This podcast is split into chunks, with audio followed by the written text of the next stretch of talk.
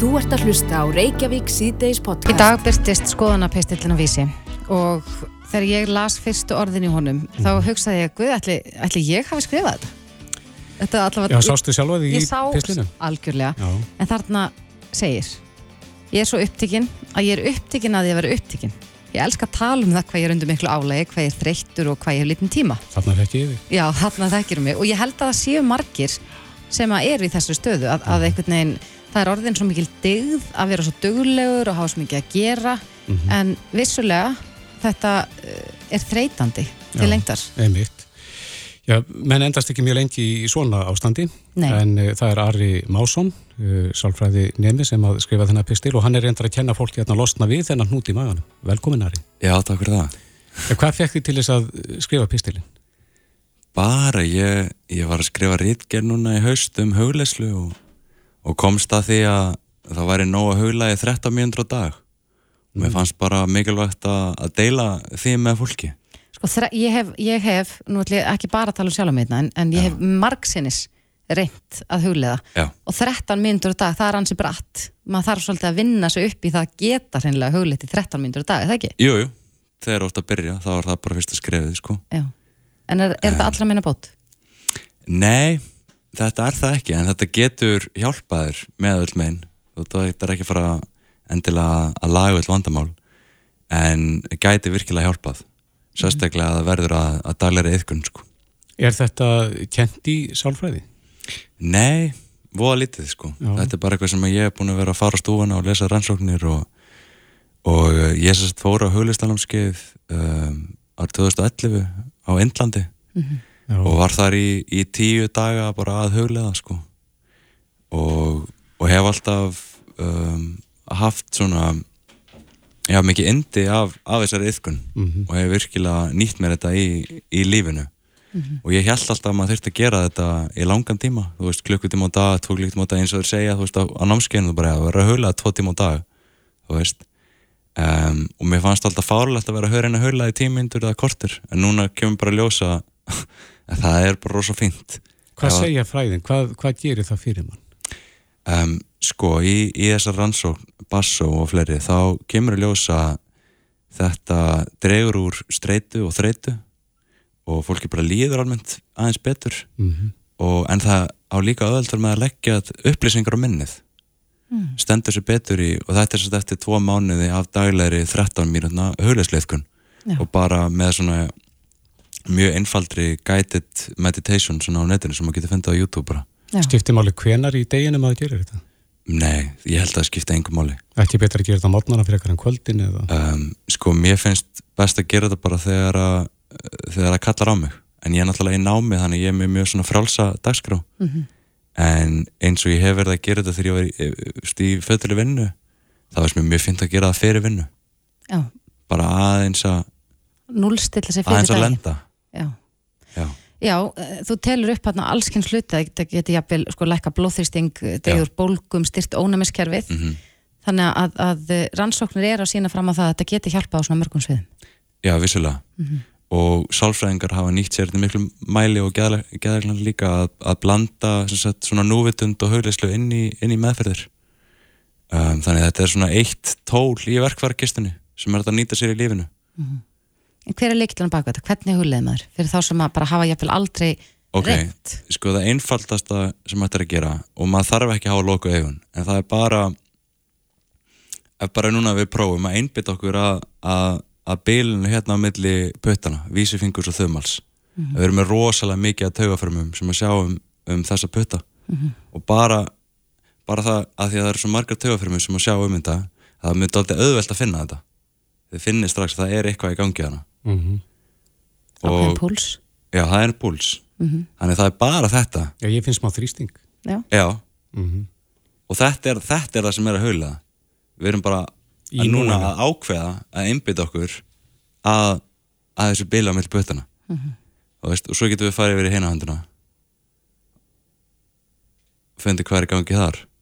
Og svo byrja maður bara hennilega að færa svo til lóana finna fyrir öllum puttanum á saman tíma og þess eins og ég gera það þá færi ég mig bara alla puttana finnir uppallingin og bara reynilega flæði í gegnum líkamann með aðteglinni En eftir þá, fyrir ekki eftir þá í slökun? Liggur út af því? Já, ég mér finnst best að bara alveg að leggjast. Mm -hmm. ég stundum hulið uh, setjandi en það er bara aðeins meira þreytandi. Maður fær í baki og svona. Mm -hmm. en til þess að fara í alveg slökun þá leggst ég bara upp í sofa. Já, og þetta, þetta þarf heldur ekki að vera flóki ég sá nú einhver auglýsingum daginum að maður þýtti nú endilega eignast sko einhvers konar hugleislu kotta mm -hmm. sérstaklega kotta á gólfinu sem setur á sem mhm. er ætlaður til hugleislu þú þarft ekki engan búnað til þess að geta þetta Nei, þú þarft ekki neitt og þú getur alveg eins gert þetta liggjandi og þarft ekki að vera með einhverja svona flotta búta stöðu sko Nei. Þetta snýst aðalega um að virkja ákveðin heilasveði með einbeittir aðtikli þannig að það er í rauninni hægt sko tæknilega sé að skipta hugleislu upp í einbeitta aðtikli eins og við vorum að gera einbeitt okkur að pötunum mm -hmm. og svo er þetta að fara í opna aðtikli og þá er beisli spurningin hvernig liðið mér? Bara einmitt núna. Maður er bara spáið mm. við verðum bara að tjekka, þetta er bara svona ok, hvernig liðið mér? Já, ok. Mér liðið svona, mm -hmm. þú veist. Ég er ekki reyna að breyta í hvernig mér liður. Ég er bara, ég, ég er reyna bara stöðuna, taka stöðuna og, og grand skoða það. Og ef, ef mann er liður illa, maður hefur ógíslega mikið að gera og fullt af verkefnum og maður er kannski að, eins og við talum í greinu að svona á, á jæðri hverstagslegar kullunar eins og ég kallaði þetta, þetta er orðið svo eðlilegt að vera bara einhvern veginn að ég veit ekki, veit ekki hvað ég á að byrja. Að þegar, þegar ég er komin í svona þannig gýr sko þá er rosa fint bara að leggjast í soffan taka stöðuna, tengjast uh, eigin tögakerfi það er það sem við erum í raun og verið að gera. Við erum bara að stilla okkur inn á það sem er kallað interoception mm. eða, eða insýn eða en sko 13 myndur eins og ég sagði þetta en ég hef oft reynt þetta og, og mm -hmm. ég mhm. geti aldrei bara sest niður núna og hugleitt í 13 myndu vegna þess að jafnvel þyrst ég að binda fyrir augun á mér sko því að mm -hmm. það er mhm. allt í kringum mér sem vekur aðtikli mín á og ég kíki kannski aðeins Já. út og, og svo er ég byrjuð að, að hérna, hugsa um innköpalistan mm -hmm. en að þykjast huglega á mhm. maður að byrja bara mjög smátt taka bara nokkra myndur og, og vinna sér upp Sko ég myndi uh, kasta fram á sér áskorun bara að taka 13 mínútur stilla bara tíman og svo leggist í sofan og þá er, ein, þá er þú veist, raun og veru eina reglan er þá bara að þú reynir að hugla það í 13 mínútur. En hvað ef að hugurinn reykar? Þá er það bara í lægi það er, það er í eðli hugans að reyka. Mm -hmm. hann mun byrja að reyka. Veist, er, ég leggst ekki niður í 13 mínútur og er bara, já, sæl, nú er ég í puttunum bara þar, þú veist ég fæ alls konar hugmyndir og alls konar pælingar uh, og maður er í raun og veru að reyna að dvelja með, með því þannig að ef þú byrjar að hugsa um innköpalistan og ert bara mætt í bónus mm -hmm. þú veist í huganum, eins og við gerum þá er það bara góð og þá getur ég afvel sagt bara, já, ok, heyrðu, ég er hérna, ég er komin í bónus. Ok, já, ok heyrðu, nú ætlum ég að koma aftur í soffan þú veist, og 13 minnur ég myndi segja að það er það er líka fín byrjun að taka 5 en 13 minnundur, ef það ákveður bara ég ætla að leggjast undir 13 minnundur og reyna að fylgjast með þeir sem er í gangi um, þá er það mjög góð byrjun mm -hmm. Hvað þarf maður að gera þetta lengi til þess að finna áhrifin? Já, það er, það er mjög góð spurning ég myndi segja að það væri bara persónumbundið en kannski erfið fyrir mig að svara því ég er búin að vera að gera þetta svo ótrúlega lengi alveg síðan 2011 mm -hmm. búin að huglaði mjög mikið mm -hmm. en, en ég held að maður ætti alveg að byrja að finna einhvern, einhvern mun kannski í þriða fjóra skipti sem að leggst niður í 13 mínútur það verður þetta aðeins öðvöldra En þú notar svona, uh, maður getur fundið einhvern, eh, sko, já bara YouTube eða í einhverjum öppum, einhver sem leiðir mann. Já, það, það er ógislega svona... gott að byrja þar. Mm -hmm. það er ógislega gott að byrja þar. En þú fóst til Indlands? Já. Og uh, eru Indverja góðir í, í þessu? Já, það eru heldur sleipir. Já. Það er náttúrulega með langa, langa reynsla baki og búin að vera, það er mikil hefð fyrir því að huglega þarna. Um, en svona hinn hin venjulegi borgari er kannski ekkert mikið að stunda en það er svona ákveðna hópar. Mm -hmm. en sama á Íslandi það er fullt af fólki sem er alveg vel höglegt Já, Múna, maður hefur auðvitað lesið og lesið vittul og, og, mm. og heyrst og séð fólk tala um hugleislu og það er, ég held ég haf aldrei heyrt nokkur skapaðan mann tala illa um hugleislu, þetta hafa einhvers konar slæmáhrif nokkur tíma Nei, ekki svo ég viti sko. Nei. þú veist, en þetta er þetta er reynið veru eitthvað sem að er uh, sveipað í, í döluð og þetta er einhvern veginn svona fólk heldur að það sé eitthvað mjög erfitt og mjög mál en þetta er raun og veru bara að stilla hugan inn á við. Það er aðal málið mm -hmm. að, að gefa þessum þessum innri hugarheimi smá, smá aðtikli bara. Mm -hmm. Ég veit að það er margir sem að kannski hugsa að þetta er ofið einfalt til þess að geta virkað. Já, Þa, það er nefnilega það fallega við þetta, þetta er einfalt og þetta er ódýrt, þetta kostar ekki neitt. Og þetta er í raun og veru þá er maður bara að gefa sjálfum sér smá tíma. Mm -hmm. og maður er að gefa sjálfum sér uh, já, bara aðgang að einn vitund. Það er það sem maður byrjar hægt að róla að, að skinja mm -hmm. og já, og þetta, þetta er eitthvað sem maður á ekki endilega að vera að berjast í. Þú veist, þetta er ekki eitthvað svona, ó, nú ætla ég að reyna að fókusa og vera fullkominn. Þetta er meira bara svona, hei, ég ætla að leifa mér að vera í friði mm -hmm. í korter núna Já. Nú voru margir í umferðinni Já. og vantarlega brjálaður einhverju þar yfir Já. hvað hún gengur hægt Ertu með eitthvað ráð fyrir fólk með húti í maganum í umferðinni? Án þess að það sé hættulegt? Já, ég, sko það er bara að reyna, að reyna þú veist, að finna, finna fyrir spennunni að það er einhver spenna og bara hei, það liggur ekkert á það, þó þú komist aðeins fyrir heim, það er ekkert fara að breyta miklu Draga andan þess. kannski. Það er fallegu dagur. Um, en náttúrulega þegar maður er að keira það er alltaf erfitt að vera að einbytta sér að, að fingu gómanum. En, en það, er með, það er samt hægt að spurja þú veist eins og það kemur raukt ljós í staðan fyrir að perra sig á því. Eða maður er á miklu breytinni þú veist þarna hjá þarna, eh, stóra garðinum þarna, það er alltaf Klambratúni, já. klambratúninu, ef maður er þar. Bara heyrðu, ég verð hérna næstu eh, 20 mínútunar ég ætla að njóta þess, veist, það er hægt. En ég er ekki endilega að stinga upp á því að maður sé eitthvað svona að reyna að alltaf að líða vel eða endilega alltaf að vera Nei. um, þetta er rosalega um, það er rosalega erfitt að vera eitthvað, eitthvað kátur í umferðinni þú veist. Þannig ég, ég myndi bara lefa fólki að líða illa og, og vera perrað í umferðinni skilju, en það er hægt Svo að huglega er það þegar það kemur heim.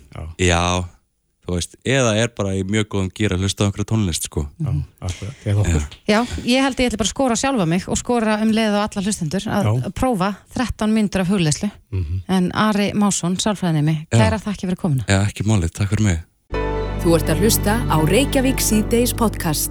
Já, já, nokkuð brött uh, hækkun stýrivaksta er staðrind. Það var kyn- kynnt í morgun að stýrivaksta er hækkað um 100 púnta eða 1% stig. Já, og það var svo sem búið að spá því að, að eh, þeir myndu hækka Eh, einhverju voru þá á því að það myndi kannski ekki vera já, heilt prósuntu stig Mm -hmm.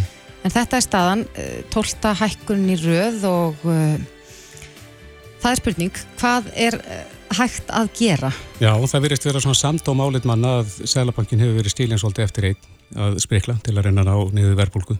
Já, og vissulega er að nota það tól eh, sem að- að bankin hefur til þess að reyna að koma á stöðuleika en það hefur, mér finnst þess að við séum nánast að alltaf að tala um það sama aftur og aftur, við erum alltaf að, að sjá stýrivexti að hækka og svo tölum við um hvað er mögulegt í stöðunni. Margir hafa bent á það að, að það þurfi að draga úr ríkis útgjöldum Mm þetta er ekki bara heimilin í landinu sem er að eyða um of, Nei, ríki líka. Einmitt. Nú það eru til að ræða þetta. Já, önnur komin hinga, Þorgjöru Katrin Gunnarsdóttir, formað viðreysnar, velkomin. Takk hérlega. Og Bjarki Olsen Gunnarsdóttir, þínkona uh, vinstir græna og formað fjárlaga nefndar sem að er stöðnir á þingi, sæl. Já, sælverði. Ef við byrjum á þér, Þorgjöru Katrin, það þarf að draga úr uh, ríkis útgjöldum. Hvað er þetta að gera?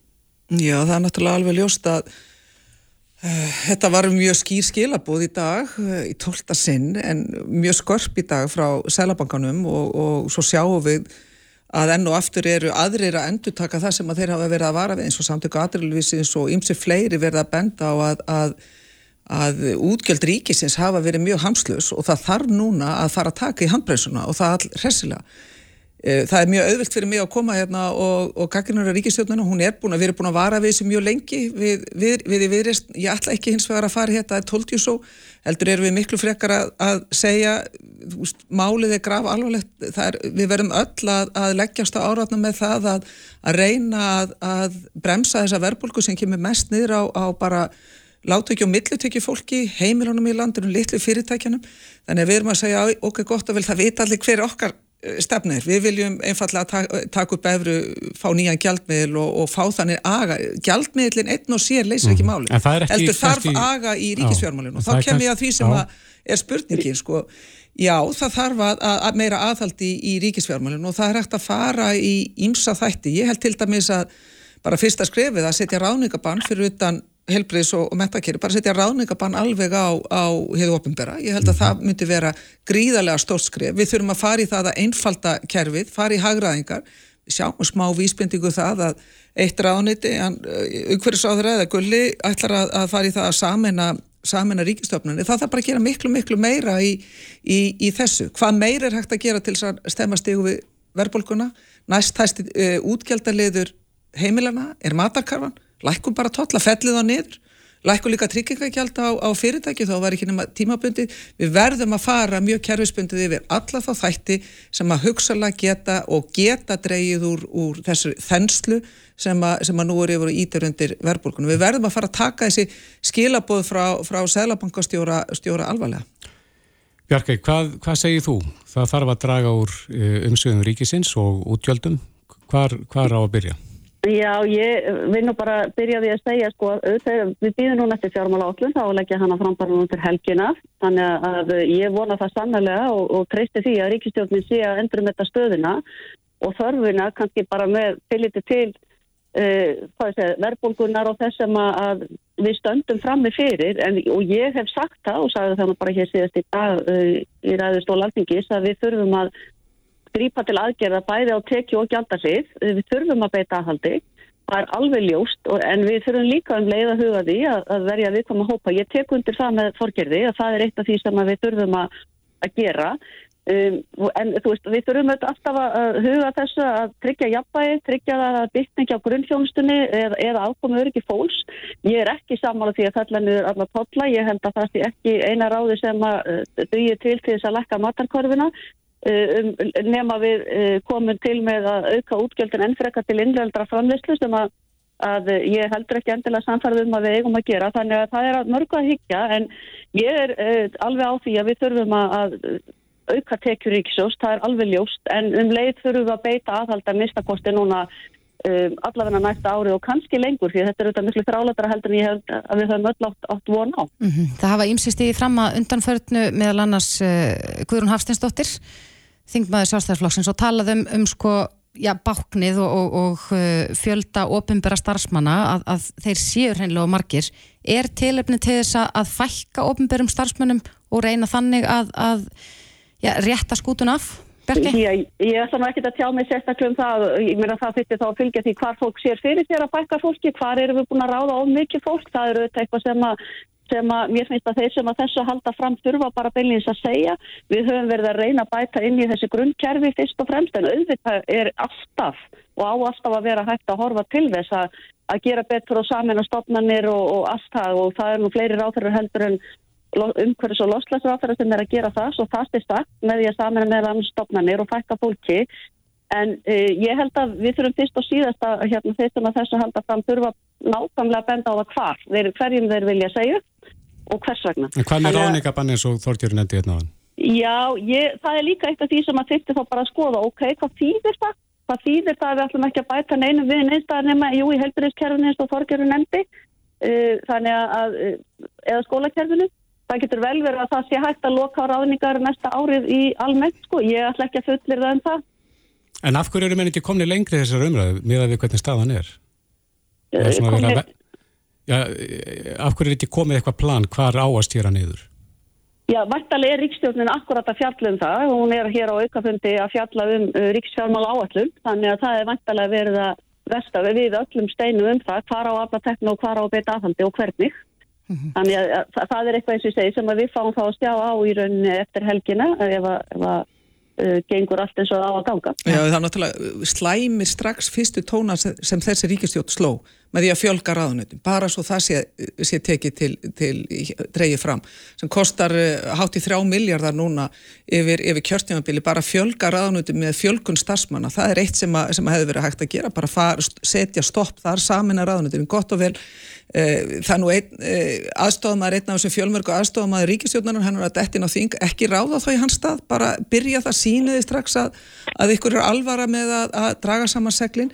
En það sem að má ekki gerast er að unga fólkið á ekki að þurfa að reyna á eigin skinni sannleikskildi sögunar af af og ammu sem mistu allt, allt verskinn í verðbólkufári þegar það eina sem hægt var að gera við, við krónuna og er þannig í dag er að eigða henni þannig að, að alvaran er mjög mikil, ég get enn og aftur dreyið fram til lengri tíma eigum að reyna að, að fara inn í annað gjaldmiðlu umhverfi en núna þurfum við að gera allt að, eh, sem í okkar valdi stendur, til þess að, eh, setja stopp á þessu útgjaldaþenslu sem hefur verið í, í bóði ríkistjóðuna. Við höfum að veðal annars að aflita núna, hætta við allar, það er einhverja restar eftir að COVID-aðgjörum, hættu, hættu því líka. Við þurfum að uh, ná Eh, þó að ríkistjórnarni eigi erfiðleiku með því að, að vera í samfunni við stjórnarnarstöðuna þá er bara máli miklu alvar en svo að við getum skipt okkur núni í stjórn og stjórnarnarstöð heimilin eru undir. Litlu fyrirtækin og meðalstóri fyrirtækin eru undir. Þannig að það sem að ég og viðræstnir erum að ítryka við viljum leggja okkar á mörgum við erum tilbúin í ákveðinu óþægilega slægi, óþægilega ákvarðinu svo lengi sem það gagnast heimilunum í landin Já, ég ætla kannski bara að byrja að segja varandi það fjölgar aðansunum. Ég held hins vegar að það er eftir að sína sig að það var góð og samhæla kostar hún fyrsta peningum og það er, er engin að gera lítið úr því. En ég held að til framtíða lítið að þá eigum eftir að skila betri, betri ákvörðunum um, og betri um, stjórnskipulega betra Varðandi það að hætta COVID-aðgerðum, það eru þetta kannski ekki alveg hægt að segja svona bara án ábyrðar. Það eru þetta þannig og við tekjum það að í helbriðskerfinu álægi sem að það hefur verið og víðar, ekkert bara þar, líka í skólakerfinu sem að hefur verið talsvett mikið og það, jú, eru eftirreitur og ég menna við gleymum, meðum ekki gleyma því að COVID er bara búið að vera talsvett á þessu ári þó ekki sé liðin nema þetta af því að þá hefur það verið og það hefur verið mjög ítingjandi fyrir stofnanir, sérstaklega fyrir uh, eh, heilbyrðistofnanir og ég, við heyrum það bara hér daglega þannig að ég held að við getum ekki alveg slegið á það að það gæti þurft að halda áfram að bregðast við því. Nei, sko, heyri það að það er bara hverkið sem má bera nefn, það má ekki samin á stopnunni, það má ekki samin á ráðunetti, það, það má ekki, ekki já, mér finnst, mér finnst þetta alvarlegt því að núna eru við, núna stöndum við framifrið því, það er snjóhengja sem mun falla á að minnst okkurstu 4500 heimili núna í haust og á næstu 6-12 mánuðum munu hugsalega alltaf því 600 miljardar koma inn í, inn í þetta kerfi, sem að fólk mun standa frammi fyrir sko, 100, jafnvel 200.000 hækkun, króna hækkun mánæðilega á, á sínum lánum. Ég, ég spáði því að, að það verði hugsalega komið til móts við þann hóp.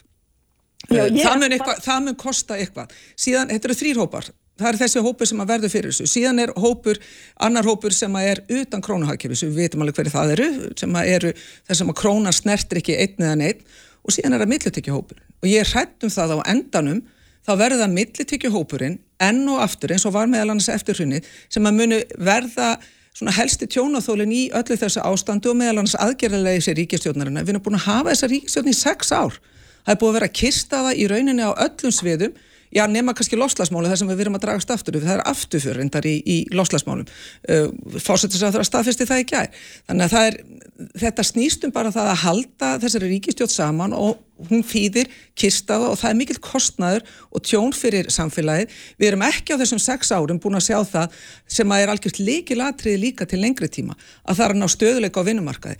Hvernig hefur ríkistjóttin beitt sér? Erum við komið með, með, með upplugt uh, vinnumarkasmódel núna? Nei, það er allt upp í loft. Við sjáum það, það er allt upp í loft. Og meðan að ríkistjóttin beitir sér ekki almennilega fyrir því að, að, að stöðla hér að stöðuleika og það ætti raunin að vera hennar megi verkefni. Já. eins og var í þjóðarsáttinni 1990 mm -hmm. það var bara eitt verkefni sem að ríkistjórnum fekk, ekki útgjöld heldur fyrst og fremst að stöðla stöðu og gengi þannig að, að það er einhver fyrirsjáleiki í samfélaginu það á að vera hennar helsta hlutark ríkistjórnarinn mm -hmm.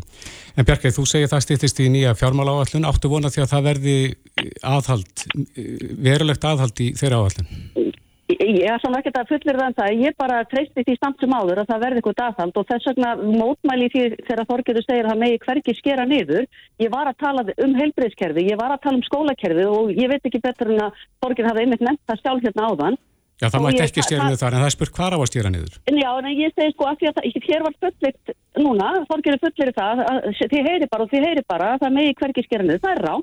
Það er ekki það sem ég var hér að segja á það, en ég bendi á það að það eru uh, fyrirtæki og það er öllu heldur stofnarnir sem að þurfa á því að halda að fá áfram uh, stuðning. Og ég ætla nú bara að segja það, við gerðum síðustu kjærasamninga þá auðvitað stegið ríkistjónin inn og hún gerur það líka þar áður. Þannig að það er ekki rétt að ríkistjónin hafi ekki komið að málum eða hafi ekki stutta því að reyna að mynda hér stöðuleika á vinnumarkað. Og Þorgjörður hefur náttúrulega sagt þetta frá upphafið þau, þau umæli um ríkistjórnuna og hún sé bara ríkistjórn stöðnunar og allt það og það Ég feina sagan sínir að ég hef haft rétt fyrir mér. Það er bara eðlir þetta að vera í stjórnarandstöðu að halda klikku fram. En ég ætla bara að segja það hér að það, ég mótmæli því líka það, svo að sé og ég held að ef að verkin eru skoðu þá þetta sjáum við það og ríkistjórnin kemur að þessum málum sem og öðrum. Og eins það að verja þetta fólk sem að mestar á því að halda það eru þetta líka verkefni framöndan. Skilabóð ríkistjóðnarinnar í þessu efnarsástandi er að skila ríkisjóði með halla að minnst okkosti fram til ásins 2027 og það er ekki bóðlegt. Þess vegna yes. segjum við í viðreist, við erum reyðibúin í þetta samtal ef að ríkistjóðin kæri svo um, en ég er spennt á sig á fjármálaátlununa og ég vona að það verði ekki einhver yfirborsmennska og það verði eitthvað tull inn í fjármálaátlunum, ég vona að þetta verði alveru átlun sem nýtist og gagnast heimilum og fyrirtækjum í landinu. En Björki, þeirri spurningu er samt ennþá, ó, uh, ég hef ekki ennþá eitt svari við þeirri spurningu, hvar væri hægt að skera niður? Það er auðvitað hægt að beita aðhaldi til dæmis í framkvæmdum. Það er nú eitt af því það er auðvitað ekki heldur kannski æskilegt að fara í mikla framkvæmdir á þessum tímum. Er það að tala um vega framkvæmdi þá? Nei, ekki endilega. Ég meina við erum hér, uh, höfum verið að áallega að byggja hér ímis uh, uh, hús og eitthvað slíkt. Ég myndi halda það að við ættum að staldra við það. Ég veit auðvitað ekki hvað ríkistofnir leggur til en ég held að við þurfum og það getur vel verið að það getur þurft að koma niður á vegaframkvæmdi. Ég ekki hugmynd um það. En mér finnst að við þurfum að huga því að það er ekki Uh, skynnsamlegt að fara í mjög mikla framkvæmdir í slikri verðbólgu sem nú er uppi. Það er bara, ég held að við munum vilja fara betur með fjármennum okkar heldur en svo. Síðan að þetta beita vættalega stofnarnar talsverðu aðhaldi hjá sér. Það allavega myndi ég leggja til ef að ég sæti við ríkstjórnuborðu um, og ég hef þetta vonast til þess að svo verði þannig að það verði næsta árið að minnstakosti eins og ég staði hér í upphafi að þá verður við stínum við ábyrð og aðhald og líka um leið að afla tekna. Og varðandi það að skila ríkisjóði með halla, það er nú bara kannski eðlilegt og ég held að flesti ríkisjóði standi frammi fyrir því eftir COVID og, og núna svo úkrænstriðið Þetta var laungu byrja fyrir COVID, það er það sem er svo hættulegt í þessu. Ósjálfa ríkisjóð var byrjaður fyrir COVID, við, við í viðreist, við vöruðum við þessu 2019, það var fyrir COVID. Við sögðum útgjöldin ríkisjós er orðin miklu miklu meiri heldur en tekjurnar. Við þessu, var, þessu var ekki nei, við þessu var ekki orðið og fyrir vikið erum við núna með í rauninni stjórnlaus ríkisútgjöld sem það er verið að senda rekningin yfir á næstu kynslu og mér finnst það ekki bólegt Það er líka ef að stjórnlaus hérna, útgjöld eru að styrkja heilbriðstjónustuna vera með stöðningsageri tengda kjærasamningum styrkja skólasamtarfið afturlega, þá bara er það, þá erum við ósamal um það hvað er stjórnlisti. En Bjarki, það er bara svona fréttir af því þetta að, uh, já, úr verkalýsreifingunni, að meðalans Vilhelmi Birgisson hefur sagt að, að já, honum finnst að verkalýsreifingin er hennilega að slíta öllum viðræðum við samtök aðtunlífsins út af þessari stýrivasta hækkun og við vitum það að þessir kjærasamningar sem að gerðir voru núna fyrir skemstu eru stuttir. Hvernig metur stöðuna? Er, er þetta ekki, já, bara til þess gert að, að óstöðuleikin verði áframhaldandi? Jú, þetta er auðvitað graf alveg mál og ég menna eins og ég stegi, þetta kemur auðvitað niður á öllum uh, í landinu, þessi uh, mikla verðbólga og þess vegna þarf að huga þessu öllu saman í samhengi. Ég hef þú trú að því að og vona það sannlega þessum uh, viðræðum verði ekki slitið. Þess vegna uh, held ég að allir burfi að leggjast á eitt við það að ná þessu saman. Ég menna, ríkistjórnin reddar ekki verðbólgun einu og sér, það verða fleira að gera, fyrirtækin í landinu verða líka að taka þátt í því og, ver sko, og ég verkalýsreyfingin kemur til með að gera það, ég þekki það. Sko, mér finnst þetta pínu billegt núna að þegar þriði aðilin sem er ríkistjórnin, aðila vinnumarkanins hafa reynd að gera sitt. Uh, Sælabankastjóri núna þarf að gera sitt og hefur stíði ekki benda á mig, þetta er bara öllum öðrum að, að kenna. Málið er að við erum með samsetning á ríkistjón sem annars vegar það er eitt flokku sem vil miklu meira útgjöld, svo er annar flokku sem vil eh, lækkun skatta og þetta er fenn sem að fer einfallega ekki saman og þess vegna er við með, meðal annars með þessu stjórnlösi ríkisútgjöld sem er að verða einn ein, svona mesti valdur núna af þessari þenslu sem er í, ríki, í, í samfélaginu. Þannig að ég, ég ennu aftur, ég er að bjóða fann kraft okkar uh, og mér skríti hvernig, hvernig ríkistjórnir og stjórnaflokkarnir er að taka í þetta þú veist gott að vel ef þau ætla að leysa þetta sjálf þá er það fínt. Það mun allavega ekki standa okkur í viðrist að styðja þau til erfiðra en mikilvægra verka. Já.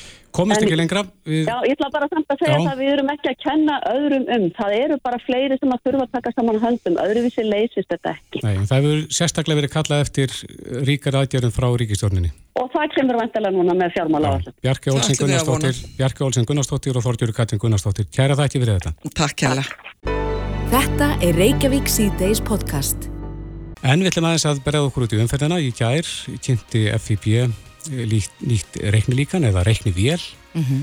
Það sem fólk getur uh, sett sínar fórsendur inn í þessa reiknivél og séð hvað það þurft að greiða þá í gjald fyrir að aga á vegum landsins. Já, það eru þetta búið að tala mikið um það hvernig við getum einhvern veginn svona jafna leikin þegar kemur að rafbílum og uh, dísel og, og bensínbílum. Mm -hmm. Við erum sem keirum um á, á þessum jarðefna elsneitisbílum. Borgum við þetta, já, fyrir, uh, ég vákvæðar er þetta að koma þessu út úr sér. Við borgum í samnestluna fyrir Já. það að, að vegakerfum sé haldi við en, mm -hmm. en rafbílegundur ger það ekki eins og staðan núna. Nei, sitt ekki allir við sama borð og, og þeir segja það hjá FIB að þetta sé mun réttlátara kerfi eins og þeir leggja þetta til. En hann er komið til okkar, formaða samgöngunemnda þingsins, Vilhelmur Átnarsson, velkomin. Já, takk fyrir. Já, kannski til að byrja með, hvernig líst þér á þessar hugmyndir FIB? Mér líst bara mjög vel á þessar hugmyndir og, og, og fagna þeim og vonandi getum við bara tekið höndum saman um að innlega þetta sem fyrst. Og er líka fagnaðar efni mitt að, að komi svona fulltrúar hagaðalana eða sem sagt bifræði eiganda og leggja fram tilugur um eitthvað verkefni sem er auglustlega fyrir framann okkur. Og þetta er mér oft þótt vandamáli í íslenskri stjórnsýslu og politík að við vitum um vandamálið og áskorinirnar en þurfum alltaf einhvern veginn að rýfa svo lengi um það að taka ákvörðum hvernig við ætlum að leysa það og það er búin að leggja fyrir núni töluverðan tíma að það er innviðaskuld og við þurfum að fjármagna uppbyggingu samgöngu innviðana og það er líka búið að, að leikja fyrir að kjölfar orkuskiptana að tekjur að ríkisins af umferð hafa dreyist verulega mikið saman. Og það er ekki bara orkuskiptin, það er líka að allir elsnittis, eða jarðarnaeldnis bílanir eru sparnitnari mm -hmm. þannig að hver bíl fer sjálfnar á dælun og þó hann sé knúin dísel eða bensín. Og þannig að þetta er alveg búin að leggja auðvist fyrir þannig að auðvitað áttu að vera lungu bara búin að taka þetta kerfi upp og setja það á. En, Við vorum að tala áðan um, um sko, ríkisfjármálin og hvar var það hægt að, að já, spara og, og nú erum við búin að sjá stýrivist að hækka tólsinu menn við erum bara fyrst núna einhvern veginn að breyðast við vonandi, við erum að fara að sjá fjármála átlun eftir helgi. E, e, væri ekki hægt út af því að við erum auðvitað búin að vita og við erum búin að stefna að orkuskiptunum í lengri tíma þá hefðum við hægt að sjá það fyrir að þetta myndi gerast hvers vegna er ekki bröðst við fyrr? Já, það er bara þessi lenska og kannski er það út af því að við erum átta flokkar á alþingi og þrýri ríkistjórn og þetta er bara óskilvirt kerfi og við erum einhvern veginn komin með þessa umræða hefð hér að mægi að þurfu allir einhvern veginn að vera sammál og allt þurfu að vera í sátt og, og að það þurfu að eiga mikið og langt samráð og svo bara gerist ekki neitt sko. þannig að, að auðvitað hefðu átt að vera lungu búin að taka þessu ákvörðun og bregðast við en nú er sem sagt hérna, hagaðalinn helsti, bifræðigundur, búin að leggja fram vel útferða og góða tillögu mm -hmm. sem að ég held að sé bara almennt sátt um, það átt að sé allir á því að einhver þarf að borga fyrir vegækjörfið og, og við rafilegundur, við vitum það alveg að við fáum þetta ekkert frítt endalust, þannig að ég vona að við getum bara gert ráð fyrir þessum tekjum sem að þetta skapar og þessu kerfi núna í fjármála áallinu sem kemur eftir helgi og innlega þetta bara frá með næstu ármótum eða frá með næstu fjárlögum eða eitthvað þannig að hausti verið nýtt í það innlega þetta. Menn hafa verið mjög tillugur og, og vegtóllar hafa komið upp sem að já, meðalans FIB eru mótvallin er þetta réttlátasta kerfið sem að þú sér fyrir að, að fólk borgi bara fyrir hvern ekkin kilometra já, og, þeir, sko. og þeir sem menga meira já, þeir, þeir borgi þá aðeins meira Já, það eru nokkra leiðið til að fjármagna samgöngukerfið og samgöngukerfið er stort og mikið og flókið og, og hérna, ég held að þetta sé sangjarnasta og skynnsanlegasta leiðin til þess að vera með þessa almennu gjaldtöku í umferðinni.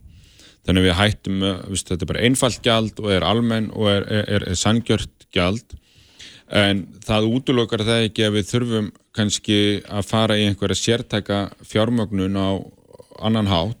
Það er náttúrulega hægt að gera eins og við er fyrirhuga núna í samgöngusáttmálunum með að leggja inn landi og ríkisins eins og Kjeldnalandið og þróa að fá tekjur þar til þess að byggja upp samgöngu innviði. Það getur verið svo auka gjaldtaka við hlýðina þessu, eða hérna fjármögnun.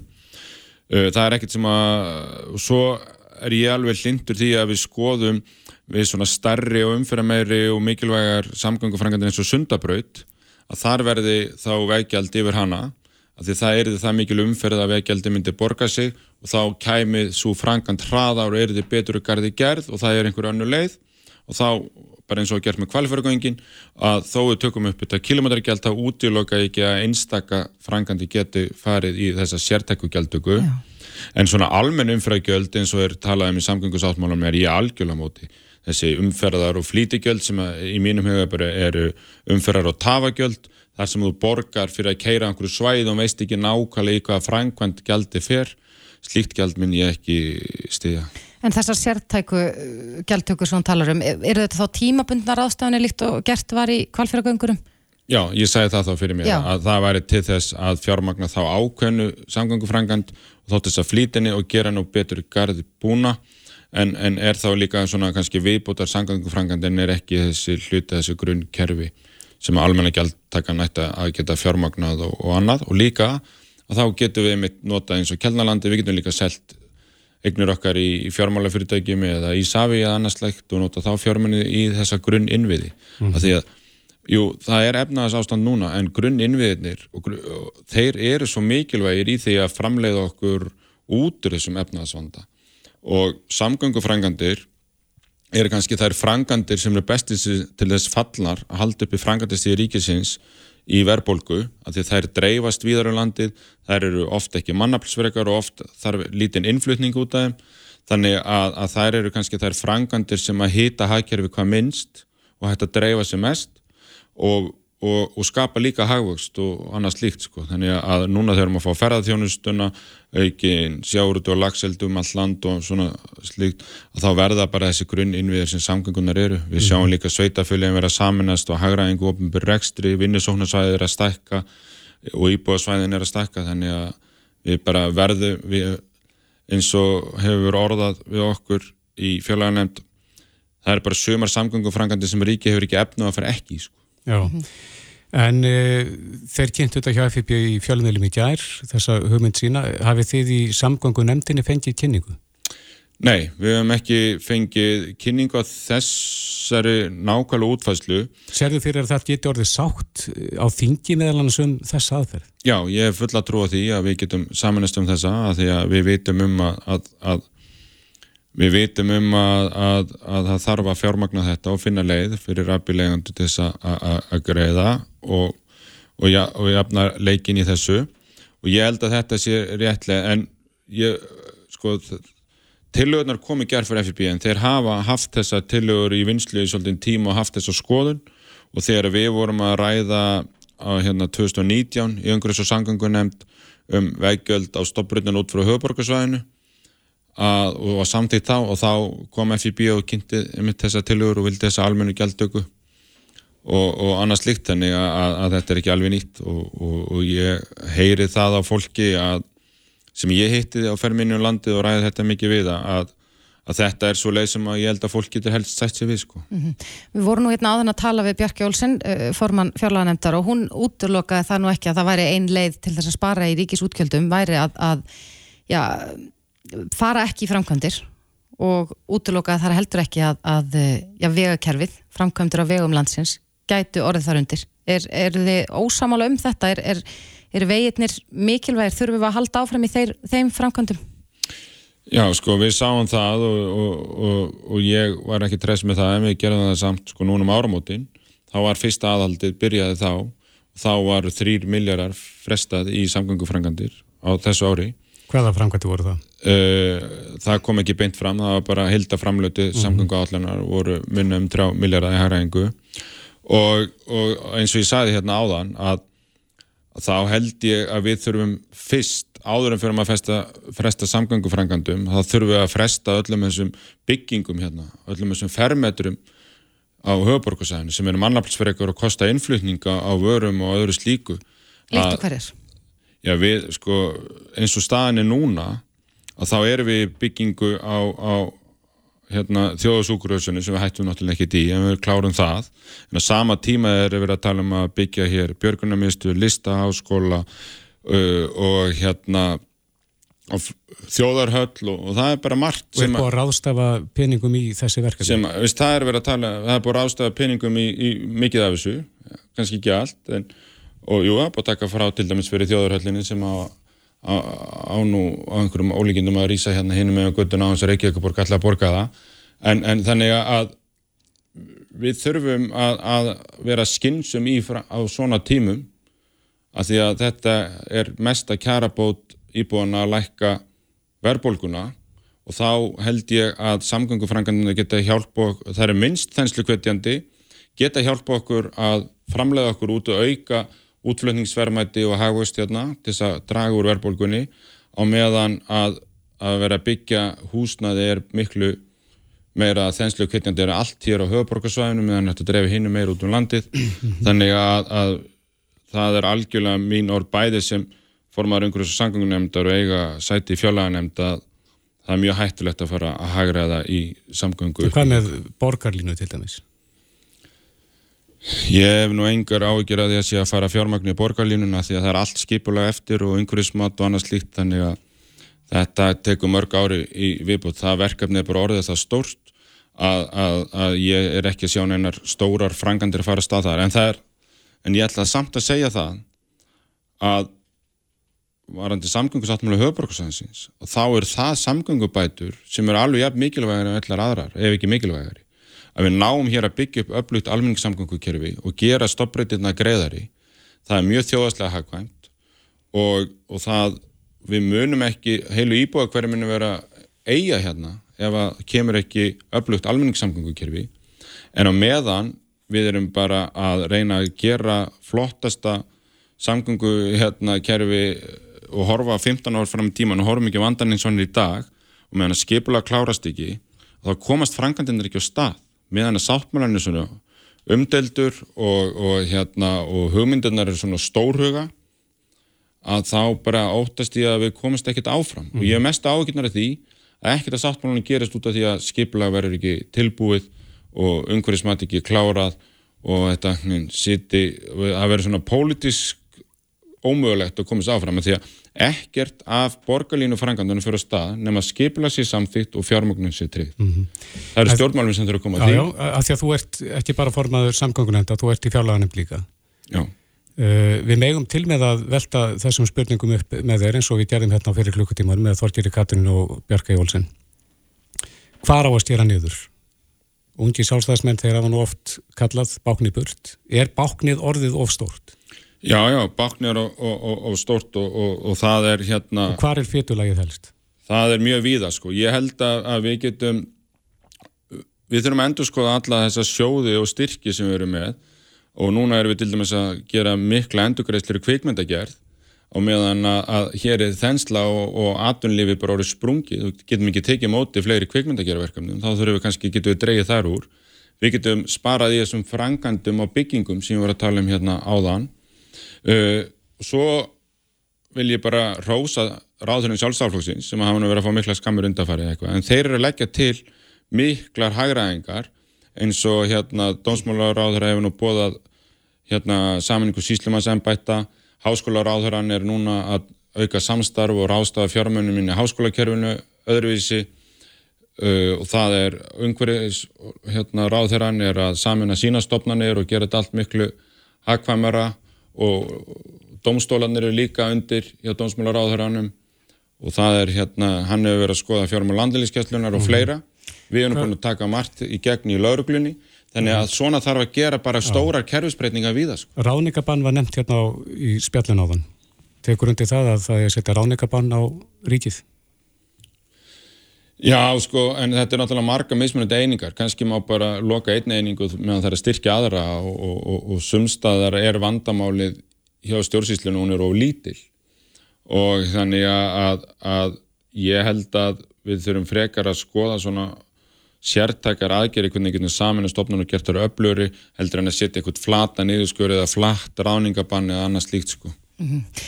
Já, en ykkur líst, eða þér, þér líst vel á þessar tilögur FIB, það var nú uppáflega uh, viðtalið sem við Já. vildum ná hér og ertu bjart sérna á að þetta verði rætt á þingi og það verði bara sátt um þetta og, og allir borga játt?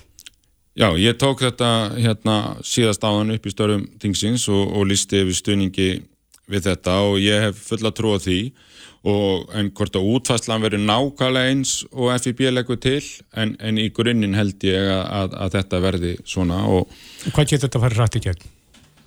Ég hugsa að það gæti alveg komið bara strax frumvörp um þetta og bara næsta haust þannig að ef að vinnustofan um þetta klári sína vinnu núna í voru eða sumar og, og þá geti verið hægt að leggja þau frumvörp sem þarf til næsta haust og við þetta ekki gildi frá með næsta áramótum. Já, spennandi. Vilhelmur Árnason, formadur samgöngu nefndar þingsins, kæra þakki fyrir komina. Takk fyrir mig. Þetta er Reykjavík C-Days podcast. Reykjavík sítið seldur áfram. Það er náttúrulega umtalað í dag, 12. stýrifæsta hækkun Selabokans. Já, ansi brött hækkun, 100 punktar eins og fagmenninni segja, mm -hmm. hækkaðum 1% stig, er núna 7,5%. Já. Ég held að það sé rétt hjá mér og ég ætla nú kannski ekki alveg að ég er ekki með upplýsingar að vera frammi, en ég held að stýrivextir hafi ekki verið svona háir síðan árið 2007. Nei, og menn voru svona ræða það að það hefði þurft að fara aðeins brattar í þessar hækkanir.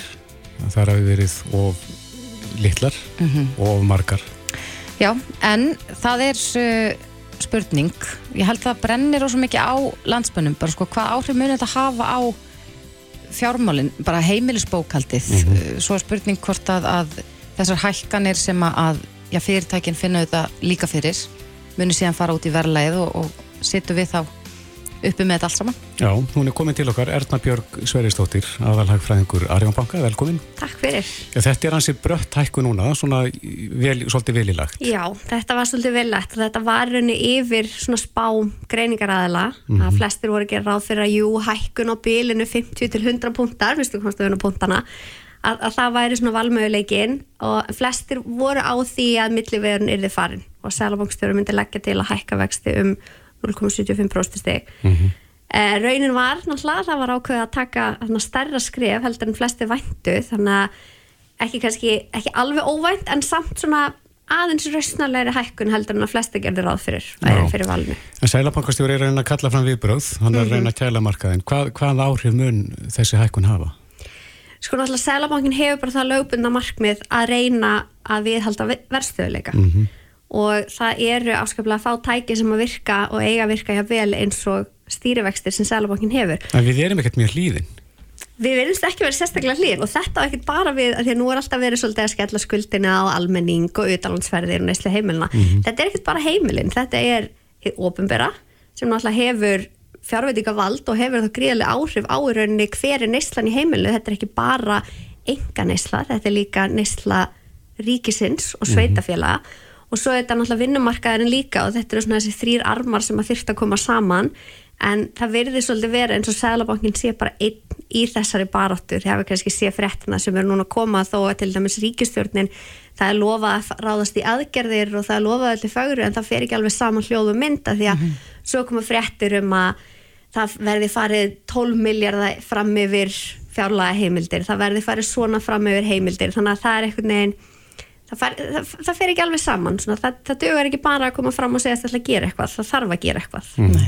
En hvaða áhrif mun þessi eitthvað, við erum auðvitað búin að sjá sko, stýrivexti fara úr sögulegu hérna, hafa aldrei verið svona lágir eins og hérna í COVID mm -hmm. og svo núna eru þeir gríðarlega háir mm -hmm. það hlýtur að vera heimin og haf fyrir til dæmis eh, heimili og einstaklinga sem eru með já, húsnæðislána og breytilegum vöxtum, þetta eru eh, rosalar fjárhæðir Já þetta, það er svona eflust það sem að flestir hugsa, svona hvað varðar bara heimilisbókaldi þegar við erum að tala um vaksta hækkanir það er bara hvað áhrif munið að hafa á í rauninni lánu mitt og mánægilega greiðslubyrði.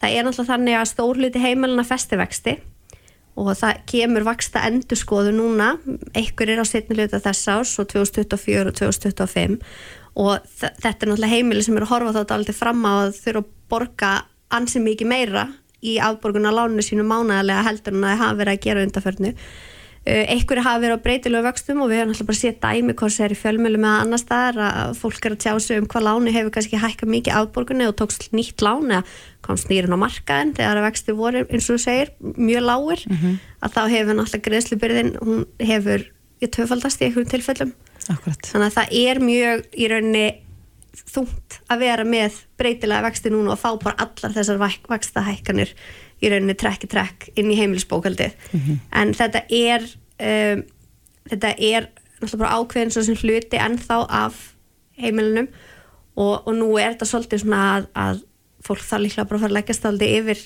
heimilisbókaldið hvernig, hvað er hægt að reyna þá að spara það er Það að forgangsraða. Já, svolítið að forgangsraða og líka kannski bara vera meðvitið um sko hvað getur komið fyrir lánum mitt, hvaða valmöguleikar standa til bóða, uh, hvaða spartnaðarleiðir standa til bóða því að það er náttúrulega ekki bara útlánsvexti sem hækka, það er líka innlánsvexti sem hækka, þannig er ykkur tækifæri sem að heimili sjá fyrir sér það, það hefur svolítið verið rætt um að það er náttúrulega ekki hái vextir eða þú er bara inn á veldureikning, þannig að það er spurninga að svona auka meðvitund um Einmitt. hvað er í bóði og hvað er hægt að gera einfallega til þess að reyna að verja heimilisbókaldi fyrir þessu ekkur En, leiti. en er einhverju sem að græða á þessu ástandi, á þessum háa vöxtum? Hvað með fjármálafyrirtækin? Sko fjármála fyrirtæki þetta er náttúrulega bara þau lána út og það eru herri vextir en náttúrulega þau, þau taka líka móti innlánum og borga herri vextir þar En ekki eins mikla.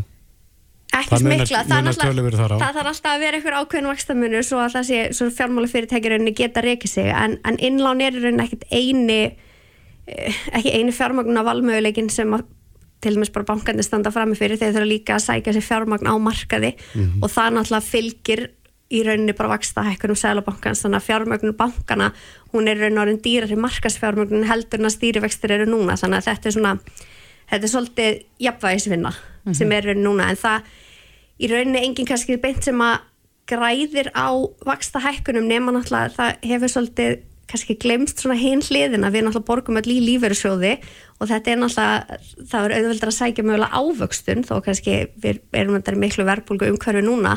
En náttúrulega búið mjög sérstakt árferði sem við höfum verið í og hefur leitt til þess að sjáðu bara hvað er að gerast í bandaríkjunum og hefur eitthvað leiti leitt til þess að þegar vextir eru svona lágur þú ert að reyna að fá ávöxtun þá sækir í áhættu samar fjárfestingar. Eins og við sögum einna ána þá er þetta já, 12. hækkunin í röð og, og Sælabankastjóri hefur impráð því í 12 skipti að þetta er þeirra tól til þess að, að reyna að koma á stöðuleika en Sælabankin greip nú líka til annars konar aðgerða eh, líkt og, og eh, varandi kaupa húsnaði að, að þú mátt ekki Já. taka lán sem er hærra en, en 35% af, ráðstöðunatekjum eða eitthvað, Já. eða eitthvað slíkt. Og þar af leiðandi þá kólnaði húsnæðismarkaðurinn. En gerir þetta það ekki að verkum að, að já, þeir sem ætluðu sér að kaupa en geta það ekki út af þessum reglum þau býða bara á hliðalínni hvað svo þegar að þessum reglum verður aflitt skapast þá ekki glöndur á markanum Skortur á húsnæði?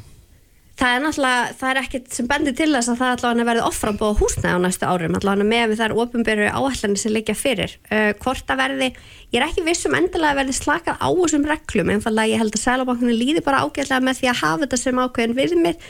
Þetta voru reglur sem þið fengu í rauninni ekki leifi til að setja fyrir nú síðast ári og nýtti bara strax tækifærið.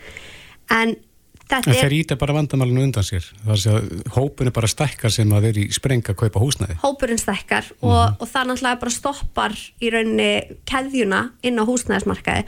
Þannig að manni finnst svona ég veit ekki hvað sem er að segja fyrsta fórnalambi en svona fyrstu áhrifin af þessum vaksta hækkunum eru svo sannlega að býta á húsnæðismarkaðina. Því að við erum að sjá húsnæðisverð það er farið að lækka og húsnæðisverð á höfuborgsvæðinu það reyndar nýjasta mæling var örlítil hækkun en svona ef við horfum bara hvað er verið að gera stundar fyrir ár þá er þetta mjög mikið kólnun á markaðinum núna. Og þar virðist eins og peningastefnan og þessar vaksta hækkanir séu að býta að, að þetta verð í rauninni bara miða við þær skorður sem að heimilnum eru sett að það er bara verði of hátt. En er það ekki gefið að, að þegar að vera slakað á, þá verður miklu starri hópu sem er að slást um þessa fáu eignir sem eru til og þá hækkar verðið aftur? Það er náttúrulega alltaf hætta á því að því að við erum búin að setja óbúslega stóran hóp á hliðalínuna með þessum aðgerðum og ekki bara í rauninni þessum greiðslubyrjar aðgerðum heldur líka bara hátt húsnæðisverð sama við þessa vexti.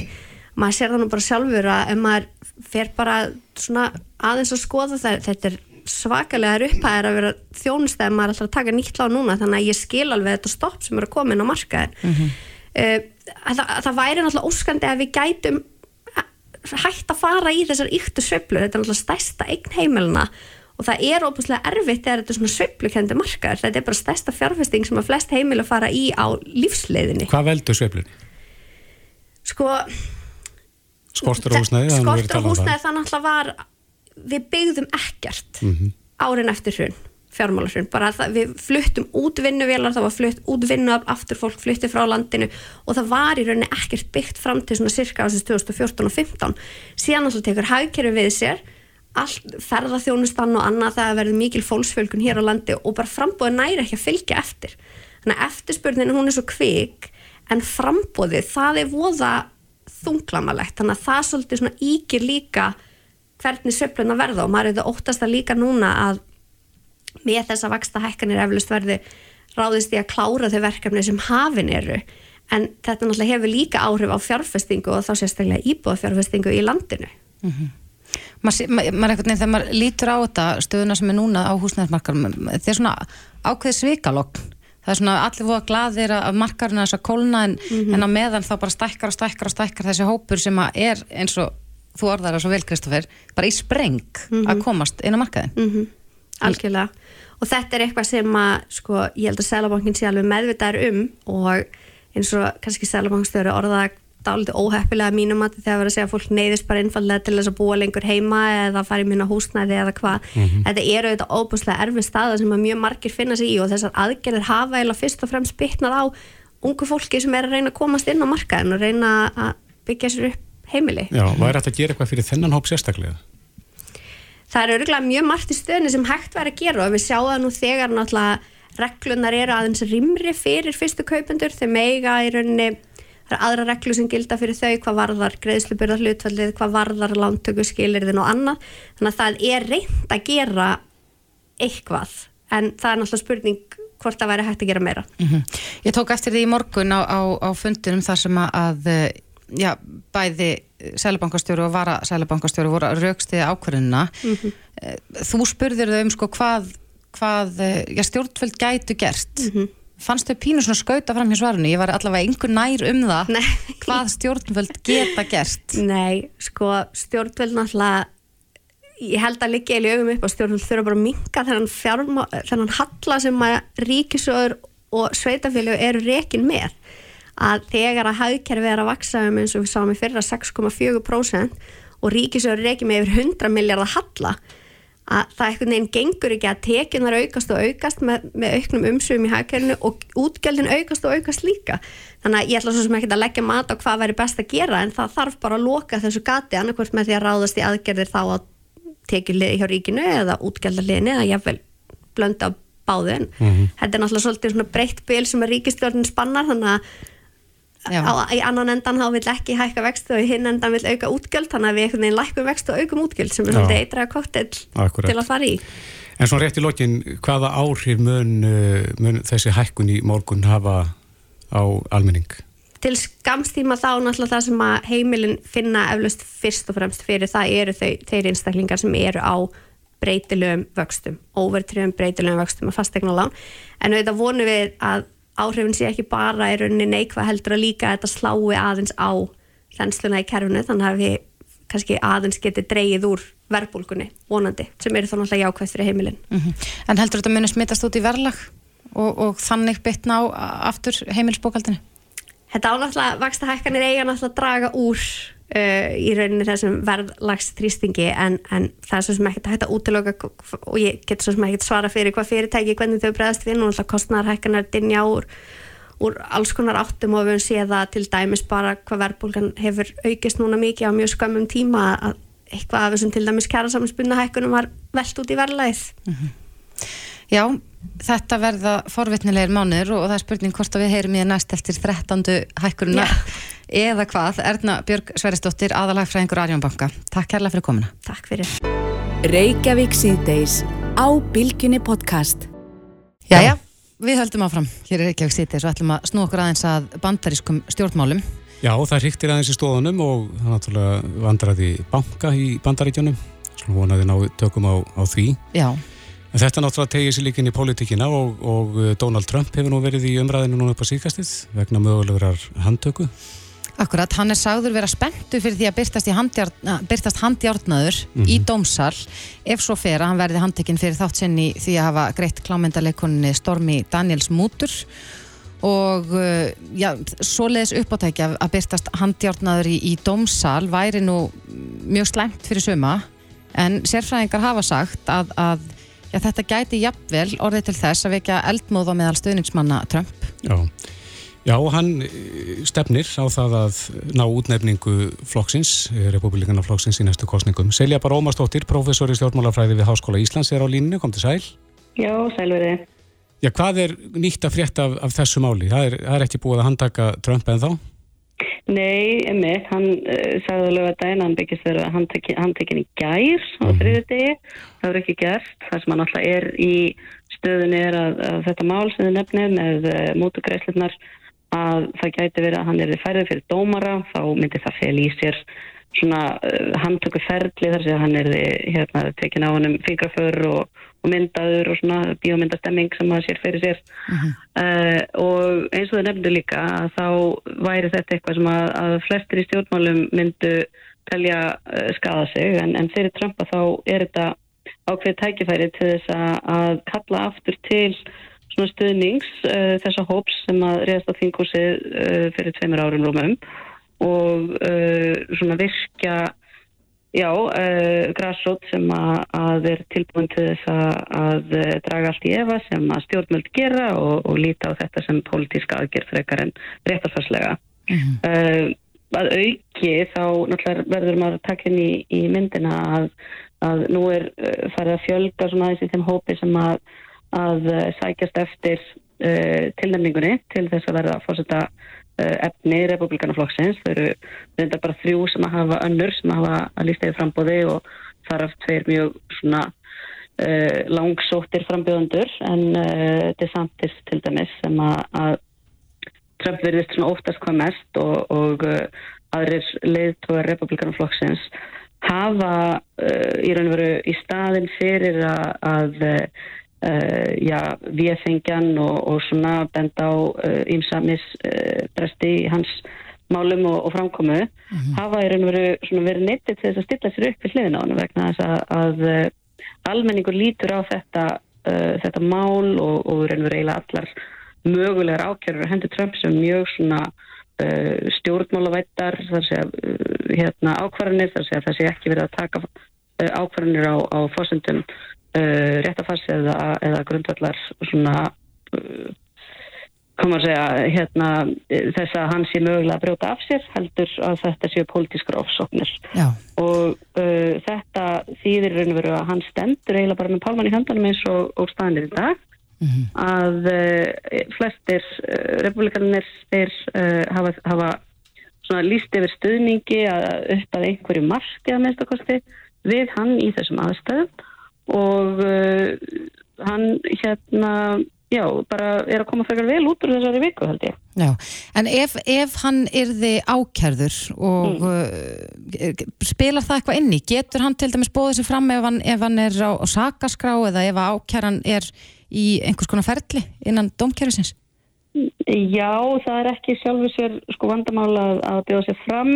Uh, það er hins vegar spurning hvað, hvort að það hefði, hérna, það er ekki þetta sama eins og er fyrir þingmenn hérna heima, þau þurfa að hafa hreinan svaka fyrir. Þetta er hins vegar náttúrulega ekki eitthvað sem eru fordæni fyrir.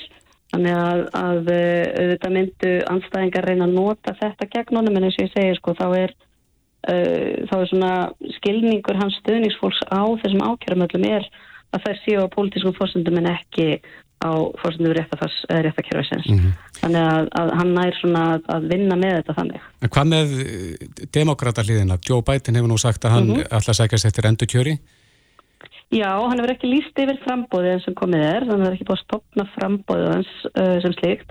Hann hefur líst yfir áhuga og, og meðan hann gerir það að þá uh, hafa aðri demokrater setið uh, svona á hendur, hendur sér og, Er ekki líklegt eitthvað farið fram gegn honum innan flokksins? Það er ólíklegt einhver farið gegn honum innan flokksins nema uh, eitthvað verulega mikið komið upp á það er ekki hefð fyrir því að, að fara gegn sitjandi fórseta vegna þess að það er mikill akkur í því fyrir flokkin að hafa ennbættið í höndum sér mm -hmm. endurkjörið er, er hérna alltaf mun auðveldra heldur en að, að ná kjöri Uh, en það þurfti þá að koma upp eitthvað, eitthvað annarkvæmt nexlismál eða eitthvað alvarlegt uh, til dæmis læknisfæðilegt eða, eða einhver hörnun eða eitthvað sem að væri hægt að tengja við aldur bætens mm -hmm. uh, já, eða eitthvað pólitísk nexli sem að, að myndi svona skekja það Já, er einhver mögulegur frambjóðandi þeim megin bara sennilega á hliðarlínunni, einhver svona sem að kæmi sterklega til greina? Það er enginn svona alveg augljóst. Þau eru nokkur sem að, að hafa uh, svona, já, sem að líta út fyrir að ef að bæta en viki eða uh, hérna mögulega fjalli frá, þá eru uh, hérna Gretchen Whitmer uh, ríkstjóri í Michigan um, það er nýr ríkstjóri í Marland sem er ungur og, og svona talin svolítið spennandi Wes Moore að hérna uh, Kamala Harris auðvitað myndi mjög líklega að bjóða sér fram ímsir uh, ríkistjórar og, og öldungabildi þingmenn aðri sem að, að koma til greina en það er engin, það er engin augljós arftæki og, og, og það er alls ekki augljós til dæmis að Harris yrði svo sem að, að hann myndi styðja heldur sko eða, eða í hans fótspor. Rétt aðeins í lókin við höfum 20 sekundur. Ja. Finnst þið líklegt að Donald Trump verði frambjóðandi republikanaflokksins í næstu kostningum? Ef það verða jafnmargir frambjóðendur og talaður um núna þá held ég að hann gæti endað sem sigurverður. Það var þannig sem hann uh, sigurðaði síðast að hann fekk alltaf aðeins uh, svona stærri hluta heldur naðuris og þetta svona matlaðist saman. Ef það er Já. bara til samtis á mótunum þá uh, myndi ég held að hann myndi þau að tapa.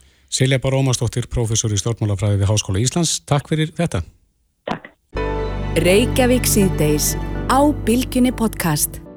Þetta er eina frábæri sýstur sem að voru með aðrið Íslands síðast þegar að Eurovision fór fram fyrir árið síðan. Já, og nú eru sumir allavega farnir að telja niður mm -hmm. í næstu Eurovision keppni Já. og við auðvitað völdum Diljá til þess að fara fyrir okkar hönd. Aldjúlega frábær. Alveg bara mögnuð sönguna og ég, sko, þú varst að segja það um daginn Kristófur að ég ætti að horfa á svona myndbönd á YouTube þar sem að sé viðbröð uh, annara mm -hmm. við læginu. Já, sem er að heyra því fyrsta sinn og, og sjá. Og ég hef aldrei gert þetta aður, en Nei. ég gerði þetta Já. og ég var bara með tárun í augunum og gæsa húð og fylgti svo mjög stolti fyrir hönda okkar Íslandinga Akkurat. út af því að viðbröðin eru þetta mjög góð. Ennig. En hins vegar uh, segir hér í fréttablaðin dag að, að veðbankar séu reynilega í rugglinu með lægið Power. Höfðu þeir ekki búin að hlusta lægið? Það er spurning, en sko Eurovision World sem að reikna saman spár allra helstu veðbanka fyrir Eurovision söngkjöfna mm -hmm. spáir læginu uh, í 14.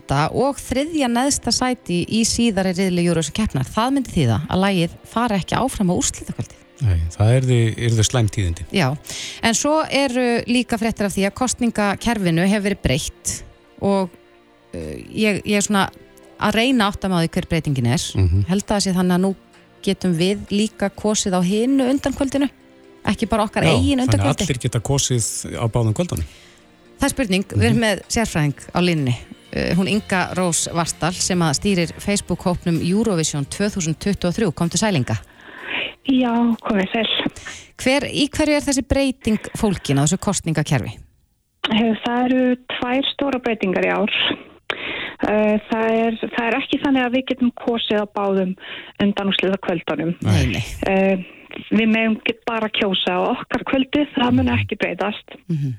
En hins vegar þá munir domnendar atkvæði ekki lengur verða með í þessum undanúsliða keppnum. Þannig að það eru bara áhörfundi sem að hafa þá eitthvað um þetta að segja? Nákvæmlega, það verður bara símakostning 100% þessi tvö kvöld og svo, en svo í úrslita keppninni á lögataskvöldinu þá munir dómdendirnar vera á sínu stað. En varðandi það að áhörfundur hafi bara um það að segja hverju fara áfram á undanúslutakvöldinu, er það góða frétti fyrir okkur? Um, það er spurning. Ég, ég er svo litið svona að báðum áttum að því að ég held að dómdendirnar myndu alveg uh, kjósa okkar laga því að það er það eru gæði í því, mm -hmm. þannig að ég held að það sé alltaf svolítið að domnefndar horfa í góðan flutning og, og góð gæði en, en ég er samt alveg spennt að sjá að hvað símakostningin gerir. Yfirleitt þegar þetta hefur verið skoðað þá breyta domnefndar voða liklu. Það er kannski eitt lag til eða frá sem hefði ekki komist áfram sem kemst áfram. Mm -hmm ef, ef að símakostningin hefði bara vel að þinn gilda þannig að það munu kannski ekki breyta svo miklu þegar á holminni komið Já, sko ég, eins og ég var að segja hérna áðan, þá horfið ég á, á svona myndbönd á YouTube þar sem að, að uh, maður fær svona fyrstu viðbröð uh, Eurovision nördana við, við henni Diljá og þau eru oftast bara rosalega góð og, og ég var bara árin handið sem það eftir að hafa hort á svona þrjú myndbönd bara já já nú sigur við Eurovision. Já. mjög bjart sín aðeinsfæri en hins vegar að þá eh, svona, læðist að manni þá sá grunur að uh, hinn sænska Loren sem að, eru þetta heimsfræg eftir að hún, hún vann Eurovision með Euphoria hún er að fara að keppa og lögin eru kannski ekkit rosalega ólík. Þá spyrir maður sig hversu miklu máli skiptir sko sviðsframkoman og framsetningin á læginu okkar? Já, ég held að það skiptir miklu máli. Og ég er mjög spennt að sjá hvað þau muni gera hópurinn okkar af því að það, þetta býður upp á mikla möguleika í sviðsetningu þetta lag og bara vonandi gera þau eitthvað ógeðslega frumlegt. Hvað myndir Ég- þú gera ef þú mættir ráðleikja? Ég sá reyndar góða hugmynd á Twitter um daginn um að, um að hún er í svo góðu formi hún dilja og ef ég crossfit og allt það og bara skell henni í, í hlýraból og með boxhanska og, hérna, Og og vera power. bara kýlandi á sviðinu bara og taka þetta alltaf leið með svona gott gimmick bara í boxhanskunum. Já, hún er náttúrulega orku búnt. Hún er það, hún er það. Já, þannig að hún gæti sínt sko bara kraftin bókstaflega á sviðinu Eh, Nákvæmlega, nákvæmlega. Já, þetta er hugmynd En það er önnur breyting sem að ég átti eftir að nefna. Mhm. Það var með að nú geta eh, allir kosið, allir heimurinn. Já, ekki bara Það- lögin sem, löndi sem keppa. Þetta er alveg rosa stór breyting. Nú er, geta, geta bara allir kosið saman hvað eru stattur í heiminum og eh, þú þarft bara að gera það á netinu með kreditkorti og þau atkvæði verða bara sett í eitt, eitt pott og það verður svona kynnt sem eða svona auka Evrópuþjóð eða svona eitt auka land sem fær að kjósa og það er það bara restina heiminum. Þarf uh, Diljó að fara í kostningaferðalagi í Bandaríkunum? Já, það er spurning hvort hún kíkir ekki til Norður-Ameríku og Suður og svo til Asíu eða eitthvað. Já, já, þarf að túra Afla hressilega. sér atkvæða. en, en sko við tölum nú aðeins um veðbankana hérna áðun og í fréttablaðinu segir að, að veðbankarnir séu bara í rugglinu Hvernig metur þú stöðuna? Erum við að fara að komast upp úr undankerfni? Mm, já, ég verður að segja, ég er alls ekki sammála veðbengum varðandi Diljá. Ég held að hún sé svolítið vannmetin eins og staðan er núna, sko. Ég held að hún vinni alveg pottitt komast áfram. En Það er- hafa þessir veðbankar verið sanspáir?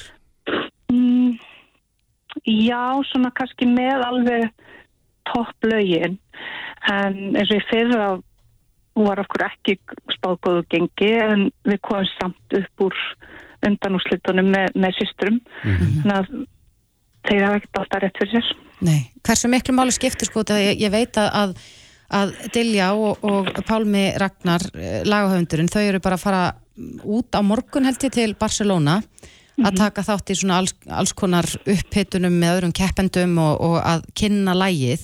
Skiptir tíminn núna frá sko deginum í dag og fram að keppninni sjálfri? Er þetta stór liður í því að, að, að ná langt í þessari keppni? Já, við höfum alveg séð góðan árangur þegar keppendur hafa verið að ferðast og kenna lægi sitt, flytja það, þú veist, uh, í svona sérstaklega í löndum þar sem Eurovision er með vinsæl keppni. Og það, það hefur alveg skipt máli undan fyrir nál. Mm Hvað vitum við mikið? Verður Diljá ein á sviðinu í atriðinu? Það eftir að koma í ljós ennþá, en, en já, ég vona uh, að það verði ykkur fleiri með henni.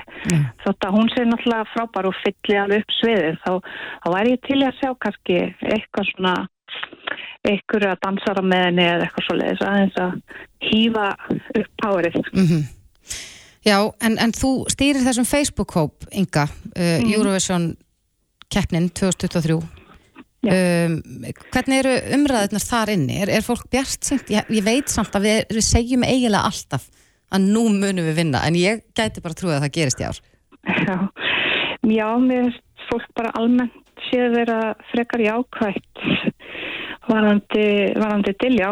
Það er bara, það er svona fyrir eftir framlægin okkar sömur eru, sömur eru svona neikvæðari önnur árun en mér finnst svona 90% vera, vera jákvæðar í ár. Það er svona, þau eru frekar jákvæði ár en ekki, finnst mér. Já, en uh, kannski rétt að lókum, hver vinnur þetta? Erum við að fara að taka þetta núna? Ah, ég held að ég held að Lorín sé að fara að taka þetta aftur en, en Diljá verður kannski í öðru að þriðja ég, ég spáði því Já, Vonum það. Það er ekki bara hægt. Já, Inga Rós Vastal eh, sem stýrir Facebook-hóknum Eurovision 2023. Takk kærlega fyrir þetta og við skulum bara heyra lægið. Já, takk fyrir.